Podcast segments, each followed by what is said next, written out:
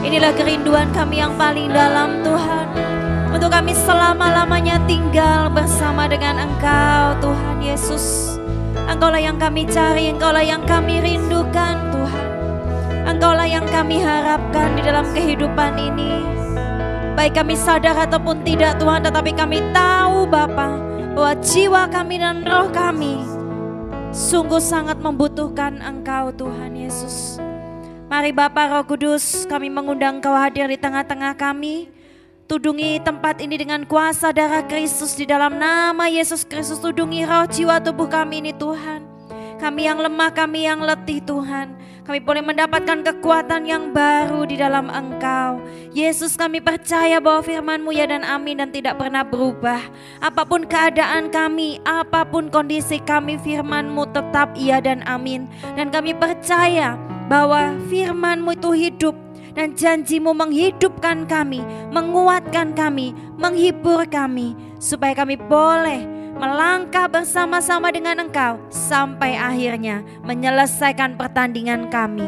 Terima kasih Tuhan, biar Kau yang menutup bungkus tempat ini kuasai dengan hadiratmu, Hancurkan setiap roh kesuaman, Tuhan hancurkan setiap roh yang hambar dan biarkan kekudusanmu hadir nyata di tengah-tengah kami.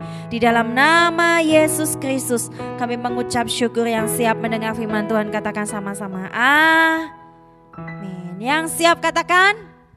Amin. Shalom, selamat malam. Shalom, puji Tuhan. Api itu menular. Kasih salam dulu. Api itu menular.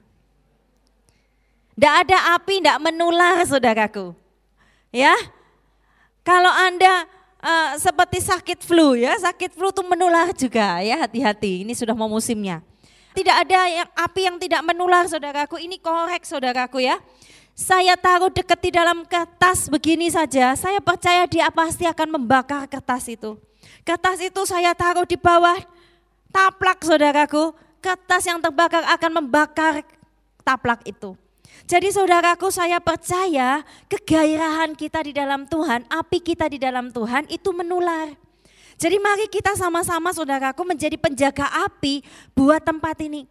Saudaraku kita butuh saudaraku ya api yang dari Tuhan. Bukan menjadi musiman karena saya percaya bahkan bukan di Indonesia saja. Gereja-gereja di seluruh dunia sedang mengalami kelesuan yang luar biasa. Kalau ada gereja-gereja yang begitu luar biasa kelihatannya saudaraku Puji Tuhan, kalau memang itu datang dari Tuhan, mari kita contoh yang baik. Tetapi saudaraku, kita harus melawan yang namanya keadaan. Orang yang tidak bisa menikmati sendirian di dalam hadirat Tuhan, saudaraku, dia akan sukar juga untuk menikmati ketika dia bersama-sama di dalam kelompok ya. Tapi orang yang di dalam hubungan pribadinya dengan Tuhan, baik saudaraku dalam jam-jam doanya, dia punya hubungan yang manis dengan Tuhan. Saya percaya dia akan menjadi pembawa api yang baik di dalam komunitas. Amin. Siapa yang menjadi pembawa api yang baik? Angkat tangan. Api itu menular. Jadi mari saudaraku, kita berdoa buat gereja-gereja yang ada di Indonesia, yang ada di kota Surabaya, supaya bukan hanya ibadah umum karena banyak orang suka saudaraku dengan yang namanya kenyamanan. Kalau mereka datang ke sebuah gereja itu kalau bisa nggak usah dikenal, itu enak saudaraku, benar enak. Pernah coba? Pernah. Dan saudaraku kita suka dan bahkan dengan anak-anak rohani saya juga ada yang cerita, Loh, kamu tuh sebetulnya masih di gereja nggak sih? Masih ber, uh, masih menganggap gereja ini rumahmu nggak? Kalau enggak nggak apa-apa, doakan. Dia bilang, iya, C, saya masih menganggap gereja ini rumah saya. Tapi kok nggak pernah datang dalam hati saya ya, nggak berani ngomong. Kok nggak pernah datang gitu ya? Loh kalau kamu menganggap itu rumah, tapi engkau tidak pernah datang saudaraku, engkau tidak pernah ada di rumah saudaraku, maka kita mungkin sedang minggat dan kita perlu pulang untuk ke rumah. Nah, sehingga di situ saya tahu, oh begitu banyak orang dia cerita ya, saya sungkan kalau datang gereja. Merasa tertuduh, merasa tidak nyaman kalau datang gereja. Saudaraku, kalau engkau lagi bertengkar dengan ayah ibumu dan engkau sudah waktunya pulang, apakah engkau akan enggan untuk pulang? Ngemper di pinggir jalan? Tidak bukan? Kita pasti akan tetap pu pulang. Hari ini saudaraku, saya mau sampaikan saudaraku tentang pride ya. dan juga tentang proud, tentang kebanggaan. Nah, kita semua ini punya yang namanya zona aman untuk diri kita sendiri. Contohnya begini, kita bicara tentang hal-hal simpel. Kalian suka dengan orang yang cerewet atau diam? Siapa yang suka dengan orang yang cerewet? Angkat tangan. Angkat tangan, yang tinggi. Siapa yang suka saudaraku ya dengan orang yang uh, manis kata-katanya? Semua orang pasti suka ya.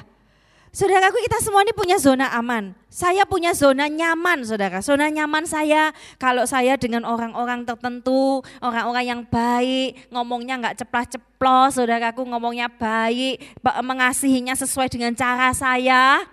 ya Maka saya akan merasa diterima, akan merasa nyaman. Nah kita semua ini punya yang namanya zona nyaman untuk diri kita sendiri. Baik dengan hubungan dengan pria wanita, ya Kalian suka cowok yang seperti apa? Ada orang yang suka dengan orang yang pendiam, tidak suka banyak cerewet, tidak suka banyak ngomong, nggak suka ngatur dan sebagainya. Itu hak kita sah-sah saja saudaraku. Tetapi saudaraku, kita ini suka dengan zona nyaman, kita suka sesuatu, kita tidak suka sesuatu. Itu karena sudah dari lingkungan dari ketika kecil ya, mungkin prinsip-prinsip yang ditanamkan sejak kecil. Nah, saya akan bicara begini, pride itu apa sih? Harga diri, apalagi? Kebanggaan, apalagi? Oke, sekarang harga diri, bicara tentang harga diri. Berapa harga dirimu? Mungkin kita berkata, oh harga diri. Saya juga awalnya berpikir saudaraku, oh pride itu adalah harga diri. Sesuatu yang uh, menjadi kebanggaan kita, kemegahan kita.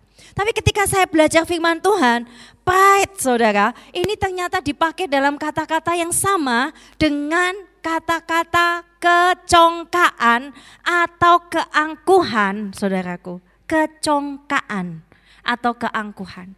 Ternyata saudaraku, kita semuanya ini sangat mudah sekali jatuh di dalam yang namanya pride, kesombongan, kecongkaan, dan keangkuhan tadi saudaraku. Contohnya bagaimana? Kita mempertahankan pendapat kita. Contoh dalam hal kehidupan saya mau bicara ini bukan tentang hubungan kita dengan Tuhan saja. Dengan saudara-saudara kita, dengan pasangan kita. Yang ingin punya sahabat cowok dengan cewek itu sangat berbeda ya. Cowok dan cewek apalagi kalau sif, cowok cewek dengan cewek saja saudaraku, sifatnya itu sudah beda-beda. Yang membuat dia nyaman tuh beda-beda. Apalagi cowok dengan cewek saudaraku. Itu punya cara yang berbeda menyelesaikan masalah dan lain sebagainya. Saya nggak seminar tentang cowok cewek ya. Nah saudaraku harga diri itu begini. Kita dengan sahabat kita, dengan saudara-saudara kita seiman ataupun dengan siapa pun saudaraku ya. Kita menyebutnya mungkin harga. Firman Tuhan menyebutnya sebagai keangkuhan. Kita mempertahankan pendapat kita kita berkata kalau kamu mengasihi aku, caranya dengan begini. Kalau engkau tidak seperti ini, engkau tuh tidak sayang sama aku. Engkau tuh tidak mengerti aku, engkau tidak menghargai aku. Kita memiliki pendapat sendiri. Pendapatku ini yang benar dan kamu yang tidak benar. Walaupun itu kasarannya, tapi kita mungkin nggak ngomong seperti itu. Tapi kita merasa dia itu salah. Nah, saudaraku ketika kita dalam hubungan seseorang dengan seseorang, saudaraku, kita mempertahankan pendapat kita. Kita mempertahankan bahwa kita ini yang paling benar, saudaraku. Maka firman Tuhan bilang di Amsal ya. Oh di mana ya? Amsal kalau nggak salah ya. Bahwa kecongkaan itu mendahului kehancuran. Yang terjadi adalah ketika kita memiliki pride, saudaraku, hubunganmu dengan seseorang itu pasti akan hancur perlahan ataupun cepat. Pernah enggak kamu dengan seseorang, kamu pernah merasa sampai hopeless bahwa hubunganmu dengan seseorang itu tidak mungkin bisa diperbaiki? Yang pernah merasa, angkat tangan. Hubunganmu dengan seseorang itu, seseorang itu macam-macam loh ya. Bisa pasangan, sahabat laki-laki, sahabat perempuan, angkat tangan yang tinggi. Banyak ya. Pernah merasa bahwa sampai sekarang engkau masih merasa hubunganmu dengan seseorang itu sukar untuk diperbaiki? Angkat tangan. Oke, terima kasih buat kejujurannya. Saudaraku, kita bicara tentang, kita bukan hanya bicara tentang firman Tuhan, sesuatu yang sulit kita pahami. Ini betul-betul ada di dalam firman Tuhan. Bahwa ketika saudaraku kita mempertahankan apa yang kita anggap benar saudaraku, itulah yang namanya pride. Itulah yang namanya kesombongan. Sadar enggak? Itu dosa enggak? Kesombongan itu dosa enggak? Dosa.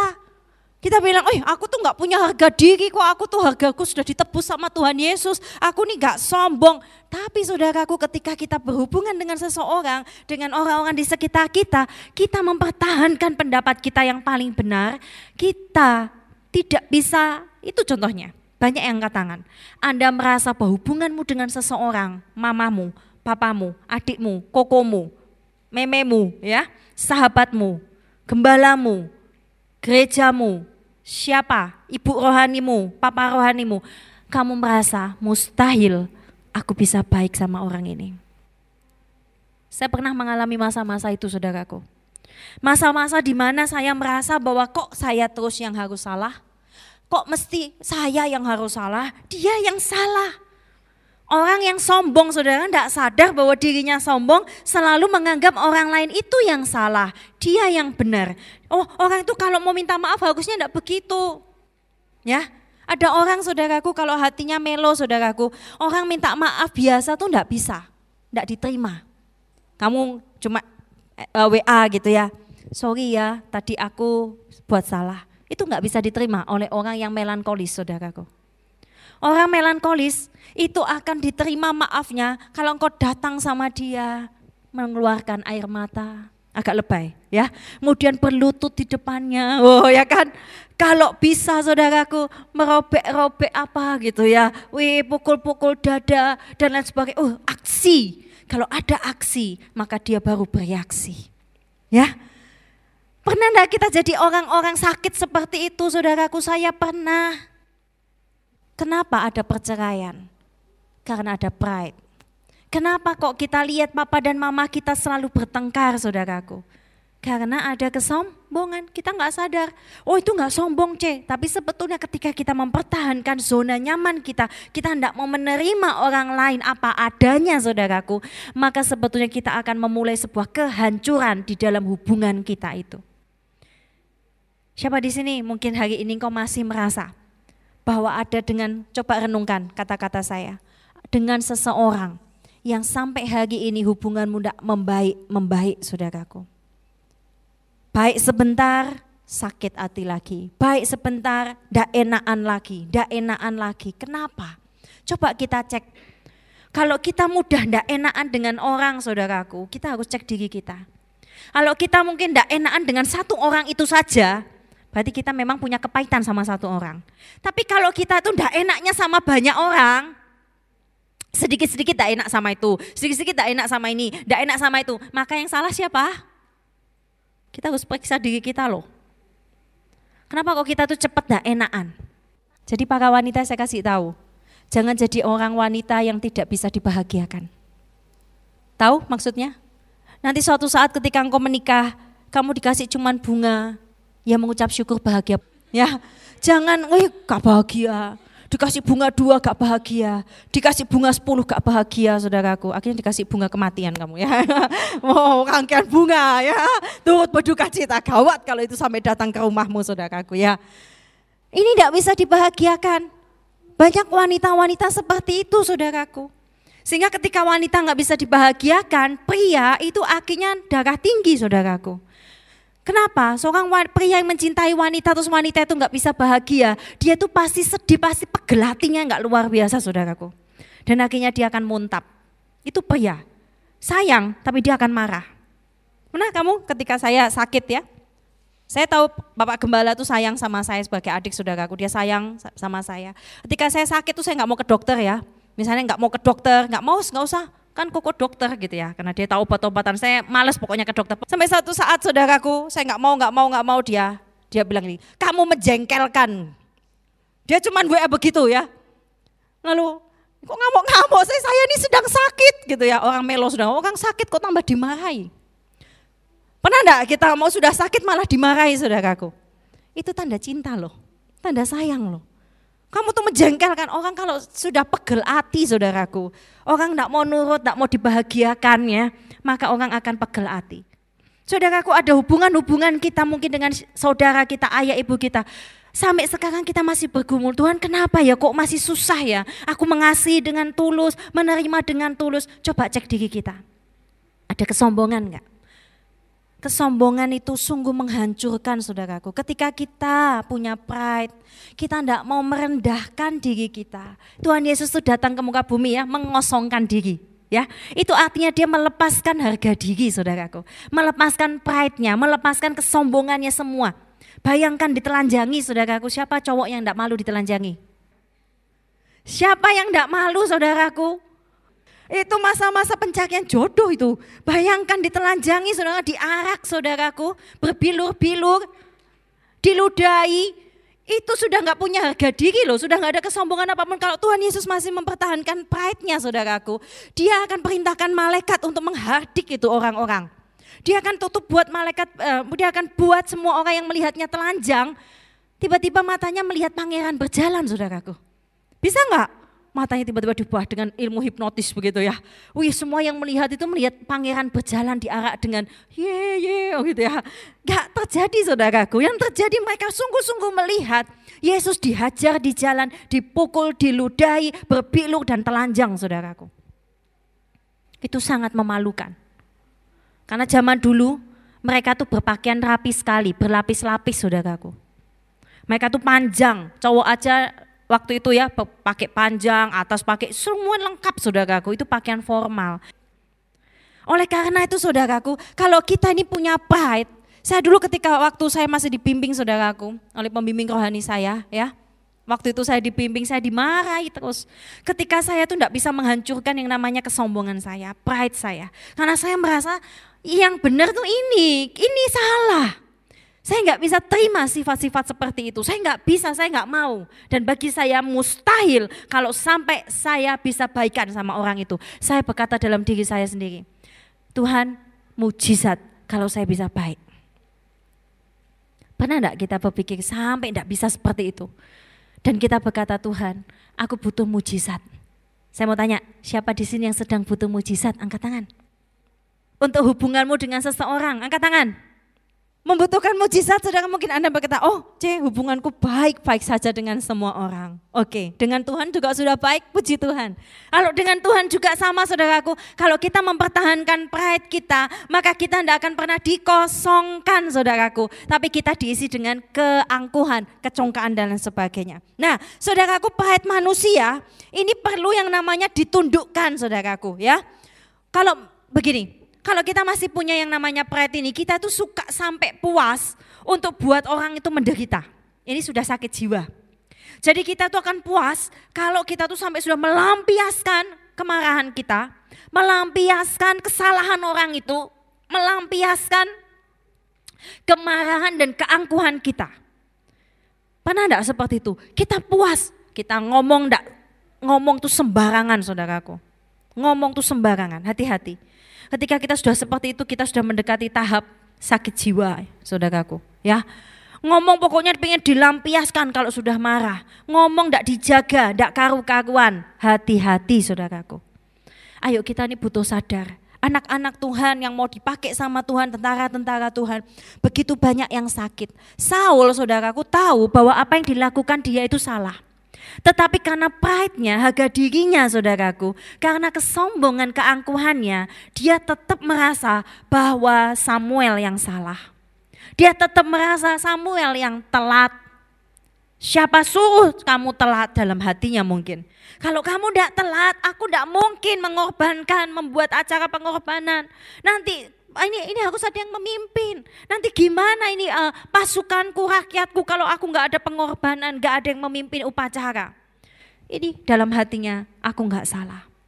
Oleh karena itu ketika Samuel marah, mengancam dia, dia berkata, wes lah wes, kamu ikut dengan aku supaya di depan mata rakyat lah ya, sekali ini aja lah ikut. Tapi tidak ada penyesalan itu pride. Dia tetap merasa bahwa dirinya benar. Bahaya sekali. Sekali lagi Amsal katakan, pride, kecongkaan adalah awal kehancuran. Kehancuran hubunganmu dengan Tuhan, kehancuran hubunganmu nanti dengan pasanganmu, saudaraku. Tolong nanti yang ingin berpasangan, mulai biasakan dari sekarang. Jangan punya pride tinggi-tinggi. Kasih salam teman kanan kiri. Pengen punya pasangan? Ya? Belajar menaklukkan pride kita, saudaraku. Biasanya kalau bicara tentang pride itu bicara tentang laki-laki. Biasanya ya. Biasanya laki-laki itu paling susah minta maaf, paling susah mengakui kesalahan, apalagi kalau dengan yang lebih muda, dengan pasangannya merasa bahwa dia lebih dari wanita. Ya, oleh karena itu dia suka sekali untuk bisa menerima uh, kesalahan wanita, ya. Karena dia merasa dia yang paling benar. Tetapi wanita-wanita punya pride yang sangat besar juga. Oleh karena itu kita perlu menaklukkan pride itu. Kita lihat kisah Yoab saudaraku di dalam 2 Samuel 3. Coba kita lihat di dalam 2 Samuel pasal 3 ayat 3, uh, 24. Nah di situ dikisahkan begini.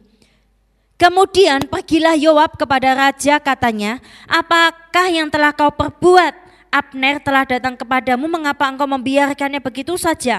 Apakah engkau tidak kenal Abner, Biner itu ia datang untuk memperdaya engkau dan mengetahui gerak-gerikmu dan mengetahui segala yang hendak kau lakukan. Lalu keluarlah Yoab meninggalkan Daud dan menyuruh orang menyusul Abner. Lalu mereka membawanya kembali dari perigi Sika tanpa diketahui Daud. Dan kisah selanjutnya Anda baca. Abner akhirnya dibunuh oleh Yoab. Saudaraku, Yoab itu siapa? Yoab itu adalah salah satu pahlawan Daud yang di yang dari dulunya itu sudah menjadi seorang tentara pahlawan yang luar biasa dari zamannya Saul. Tapi setelah Saul tidak ada pemerintahannya, dia diambil oleh eh, Daud dan kemudian Daud itu mengadakan begini, siapa yang bisa membunuh, menaklukkan apa begitu ya, kota atau apa, dia boleh menjadi kepala dari 30 triwika, eh, pas bukan triwika, 30 pasukan hebatnya dia. Dan akhirnya Yoab ini saudaraku menjadi kepala dari 30 orang pasukan yang terhebat di Daud. Yoab saudaraku, seorang yang luar biasa yang akhirnya dibunuh oleh Salomo ya di masa pemerintahan Salomo. Karena Daud pernah bilang gini, karena Yoab ini membunuh menumpahkan darah Abner saudaraku dan darah keluarga dari Daud di masa-masa yang tidak seharusnya. Si Yoab ini disuruh sama Daud tetapi dia sering tidak melakukan. Kadang tidak disuruh saudaraku, dia melakukan sendiri saudaraku. Seperti ini, waktu itu Daud tidak mau membunuh Abner memang. Daud ini ke, kepala pemimpin. Tapi si Yoab merasa bahwa kok kamu membiarkan si si Abner pergi? Salah. Jadi dari dulu Yoab ini sebetulnya punya pemberontakan tersembunyi di hatinya. Kamu punya pemberontakan bukan hanya dengan Tuhan loh. Hati-hati kita kadang tuh punya pemberontakan dengan ibu rohani kita, dengan ayah rohani kita, dengan teman kita, dengan ayah ibu jasmani kita. Siapa yang suka memberontak seperti itu saudaraku? Ini nggak disuruh Daud, dia berangkat sendiri tanpa diketahui Daud. Dan akhirnya fatal saudaraku. Yoab akhirnya, inilah yang namanya kecongkaan atau kesombongan. Hati-hati. Karena itu akan menghancurkan sekali. Nah coba kita buka di dalam Yeremia. Yeremia 9 ayat 23 maksud saya. Yang sudah ketemu katakan amin, kita baca sama-sama. Dua, tiga. Beginilah firman Tuhan, janganlah. Terus. Terus. Lanjut, 24. Nah, coba kita lihat lagi ayat 23. Saudaraku kita akan bicara tentang, kalau kita bicara tentang pride itu bicara juga tentang banyak orang ya. Uh, pride-nya itu ketika dia mendapatkan apa yang uh, dianggap bernilai di dalam kehidupan ini. Sebetulnya saudaraku kita hidup di muka bumi ini untuk memaknai apa sih tujuan kita di muka bumi. Semua orang di muka bumi entah kenal Tuhan, Kristen dan segala agama saudaraku. Sebetulnya sedang ingin memaknai kehidupannya itu makna hidupnya itu apa. Nah mereka sebetulnya makna kehidupan itu ada kelahiran, kematian, ada kebenaran, ada keselamatan di sana tetapi karena mereka ada cinta sejati di sana itu makna-makna hidup yang seharusnya mereka dapat. Tetapi karena mereka tidak mendapatkan makna-makna kehidupan itu saudaraku. Akhirnya makna-makna kehidupan ini digantikan dengan yang namanya nilai-nilai yang dari dunia. Jadi pride itu mulai muncul ketika manusia merasa bahwa dia tidak bisa mencapai yang namanya makna kehidupan ini. Dia mulai memaknai kehidupan sendiri. Oh makna hidup itu terjadi kalau saya punya istri Makna itu hidup kalau saya itu menikah Kalau tidak menikah itu tidak bermakna. Kalau tidak kaya tidak bermakna. Oh kalau saya tidak punya rumah itu tidak bermakna. Kalau saya tidak seperti ini tidak bermakna. Manusia mulai membuat pikirannya sendiri apa yang disebut dengan makna kehidupan. Seorang teman saudaraku, dia ditekan oleh orang tuanya, kapan nikah, kapan nikah, kapan nikah. Saudaramu sudah menikah, kamu kenapa kok tidak nikah, dan lain sebagainya. Kalau manusia ditekan tentang masalah pasangan saudaraku, di usia-usia tertentu saudaraku, dan engkau tidak kuat. Jadi saudaraku, tapi saya percaya kisah manusia itu ada di tangan Tuhan. Orang bilang saudara, saya bicara tentang orang bijak bilang, kematian, kelahiran dan pernikahan itu adalah sebuah misteri. Kamu tidak bisa milih wajah anakmu, tidak bisa memilih kapan kamu bisa punya anak, kita tidak bisa pilih seperti apa sifat anak-anak kita dan kita nggak tahu kapan kita mati. Demikian juga misteri tentang pernikahan. Orang kan berkata kalau tidak menikah itu nanti begini, begini dan begitu. Teman saya ini didesak saudaraku. Dan kemudian dikatakan, loh kalau kamu tidak menikah, orang tuanya berkata, kalau kamu belum menikah, minimal kamu bekerja dan duitmu banyak. Jadi ada dua saudaraku, manusia memaknai kehidupan ini, yang pertama, walaupun kamu tidak punya uang, kamu merit, kamu akan berharga. Sing penting nikah. Yang menjadi salah adalah dia akhirnya meninggalkan yang namanya tujuan hidupnya yang sebetulnya Tuhan mau pakai dia dengan dahsyat. Tuhan punya rencana besar dalam hidupnya, tetapi tidak dibarengi dengan kerinduannya menikah saudaraku. Saya percaya pernikahan di dalam Tuhan Yesus akan menjadi pernikahan yang saling membangun di dalam Tuhan. Jangan pernah Anda tidak berani bermimpi menikah saudara. Tetapi kalau begini saudaraku, satu saat mungkin kalian akan menikah ya. Janganlah saudaraku kita menikah lalu kehidupan kita selesai. Tidak. Justru kehidupan kita saudaraku akan masuk dalam sebuah rencana Tuhan yang luar biasa. Jangan takut bermimpi. Berapapun usiamu saudaraku, berani tetap bermimpi. Andi bermimpi, Cie aku mimpi punya pasangan. Tidak apa-apa, ngomong sama Tuhan. Ya, tapi nek kamu mimpi punya pasangan ngomong terus sama temanmu saudaraku ya. Kamu berusaha temanmu yang mengabulkan, jangan ya. Ngomong mimpimu sama Tuhan saudaraku, jangan takut bermimpi. Anak-anak muda, jangan takut bermimpi. Ngomong sama Tuhan kerinduan hatimu itu tidak dosa. Kamu punya mimpi apa? Tuhan aku pu pingin punya mobil, aku pingin punya rumah. Ngomong sama Tuhan itu tidak menghalangi rencana Tuhan dalam hidupmu saudaraku. Yang menghalangi rencana Tuhan dalam hidupmu adalah sikap hati kita. Bukan pasangan, bukan rumah, bukan harta, bukan kemiskinan dan semuanya. Tetapi sikap hati kita. Sekali lagi kalau sikap hati kita sudah buruk saudaraku. Contoh dengan seseorang. Kita sudah buruk sangka terus dengan orang itu. Orang itu baik sama kita pun kita akan tetap menganggap orang itu buruk. Karena sikap hati kita sudah jahat. Saudara yang dikasih Tuhan, kalau kita mau bermegah dikatakan, janganlah orang bijaksana bermegah karena kebijaksanaan. Jangan orang kuat bermegah karena kekuatannya. Jangan orang kaya bermegah karena kekayaannya. Dua empat, kalau siapa mau bermegah, baiklah ia bermegah karena berikut, yaitu bahwa apa? Ia memahami dan mengenal aku. Saudaraku kata bermegah ini ternyata ketika saya selidiki saudaraku, ini mengandung kata begini saudaraku.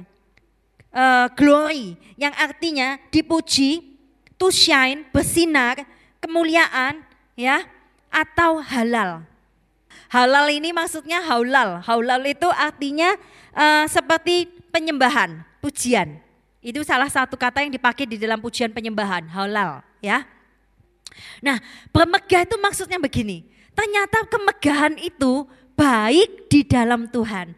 Tapi kemegahan di luar Tuhan itu tidak baik. Contoh oh kita bermegah kenapa? Karena kita pinter. Kita bermegah karena kita bisa bahasa Ibrani. Kita bermegah karena kita sudah sekolah Alkitab.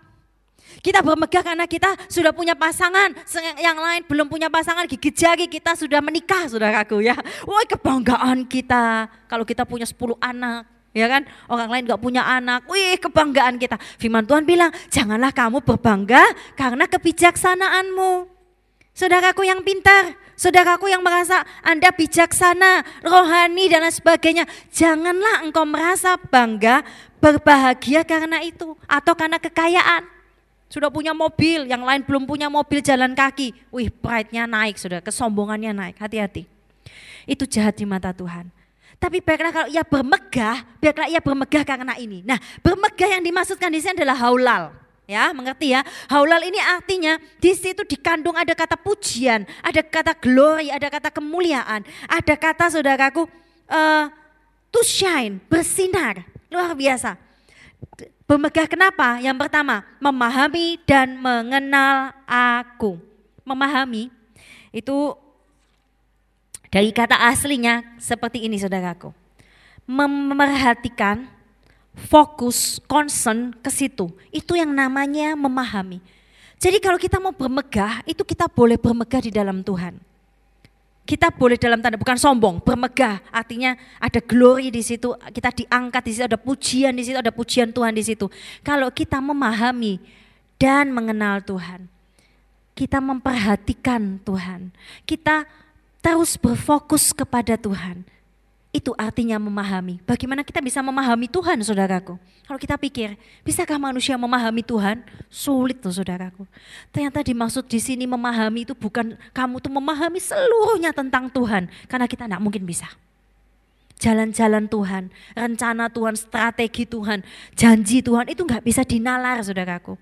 Ketika saya berpikir bahwa hubungan saya dengan seseorang itu, saya bilang Tuhan saya butuh mujizat. Kalau nggak mujizat nggak mungkin bisa. Dan hari ini, hari ini saudaraku, tahun-tahun belakang ini saya sungguh melihat mujizat itu bukan sekedar kesembuhan.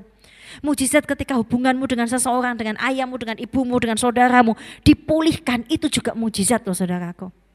Saat dulu engkau penuh dengan pride, kemarahan, terluka saudaraku. Lalu engkau pulih, itu juga sebuah mujizat. Bermimpilah, engkau yang merasa bahwa hubunganmu dengan mamamu gak mungkin bisa pulih lagi.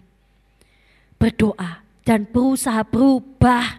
Selama kita mempertahankan pride, tak mungkin bisa. Nah, mengenal aku dan mengenal aku. Kata mengenal di sini ternyata adalah Yauda. Yauda ini atau Yada ya tulisannya itu bicara tentang keintiman. Jadi ternyata dikatakan mengenal ini itu artinya keintiman. Kita tidak mungkin bisa mengenal Tuhan itu pribadi 100% saudara. Kita masih punya daging. Kita tidak mungkin bisa memahami hati Tuhan itu 100%, tidak mungkin. Oleh karena itu firman Tuhan ini luar biasa. Bukan memahami yang seperti kamu lo tidak memahami aku gitu ya. Kita kita sering kali kita marah kenapa? Kita pride kenapa? Karena kita merasa orang tidak memahami kita.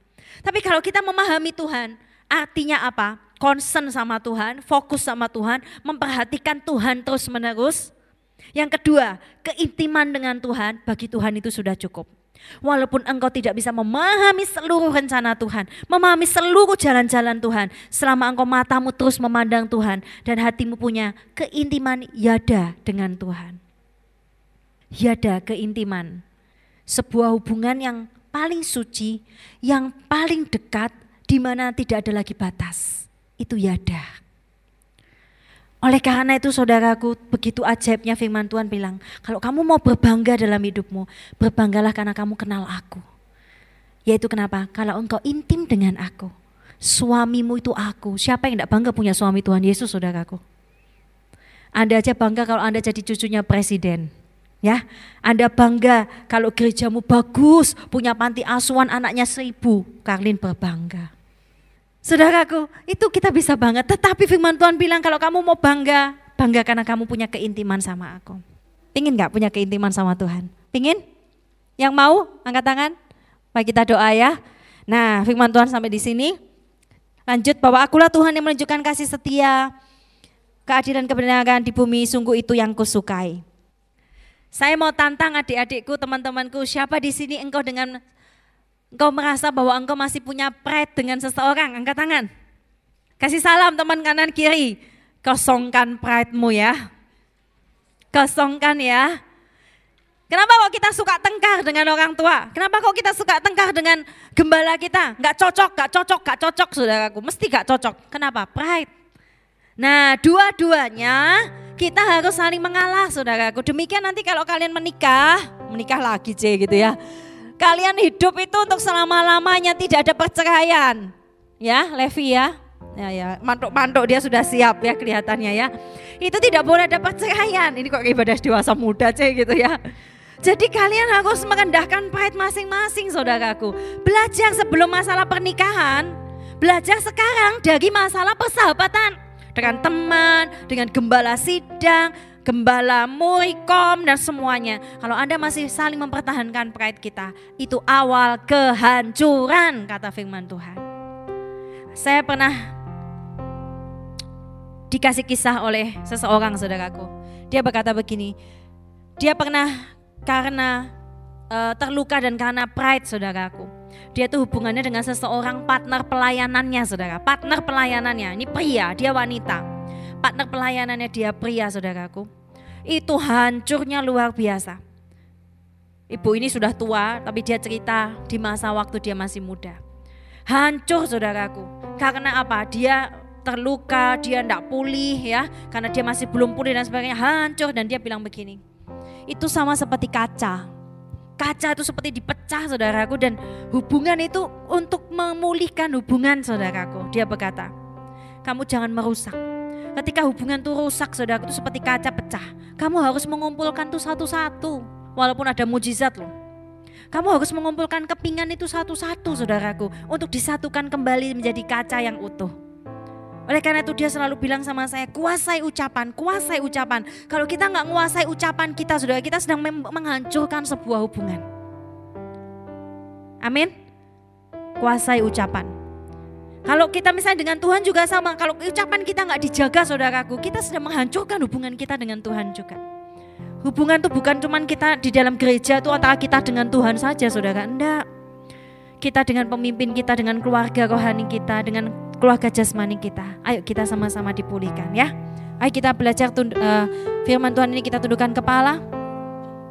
Kita renungkan firman Tuhan ini saudaraku yang simple. Mari kita merenungkan masing-masing diri kita saudaraku. Saya percaya Tuhan sangat mencintai kita, sangat mengasihi kita, sangat ingin memakai kita.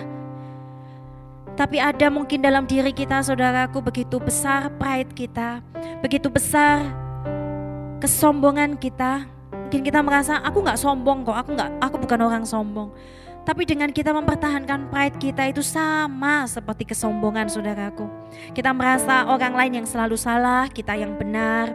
Kita merasa bahwa pendapat yang kita anggap pemikiran-pemikiran kita itu yang benar. Kita merasa orang lain harus mengasihi saya, minta maaf, semua harus dengan cara saya. Kalau enggak, enggak tulus.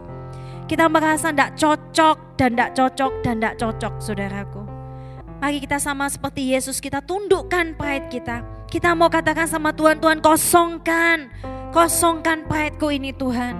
Kosongkan kesombonganku, supaya aku boleh diisi dengan kemegahan yang datang dari Tuhan. Yaitu suatu yang luar biasa.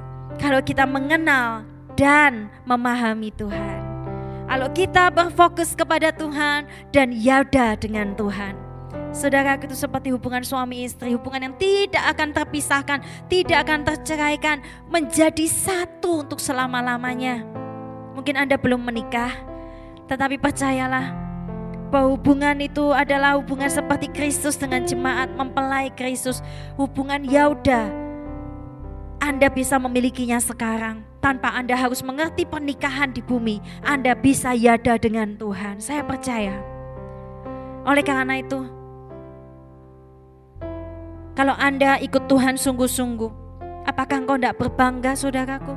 Kalau engkau mengasihi Tuhan, kalau engkau mencintai Tuhan dan Tuhan mencintai engkau, kenapa kita tidak berbahagia saudaraku? Karena kita masih melihat pride kita yang lain. Kalau kita dapat ini, dapat ini, dapat ini, baru kita bahagia. Tapi sesungguhnya kalau kita dekat dengan Tuhan, itulah kebahagiaan kita. Kenapa banyak pelayan-pelayan Tuhan merasa tidak cukup? Dalam hidupnya tidak bahagia. Saudaraku, mari kita mengenal dan memahami Tuhan.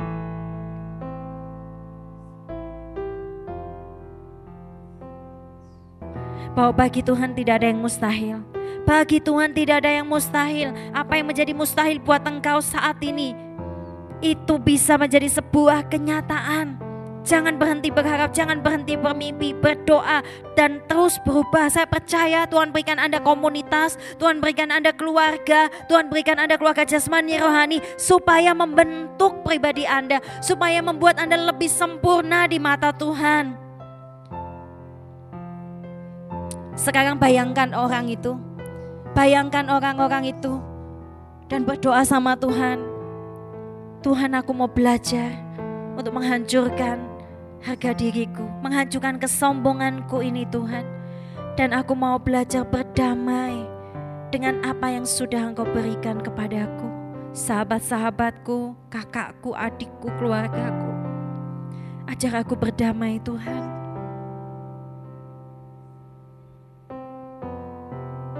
Terima kasih Yesus, terima kasih Tuhan.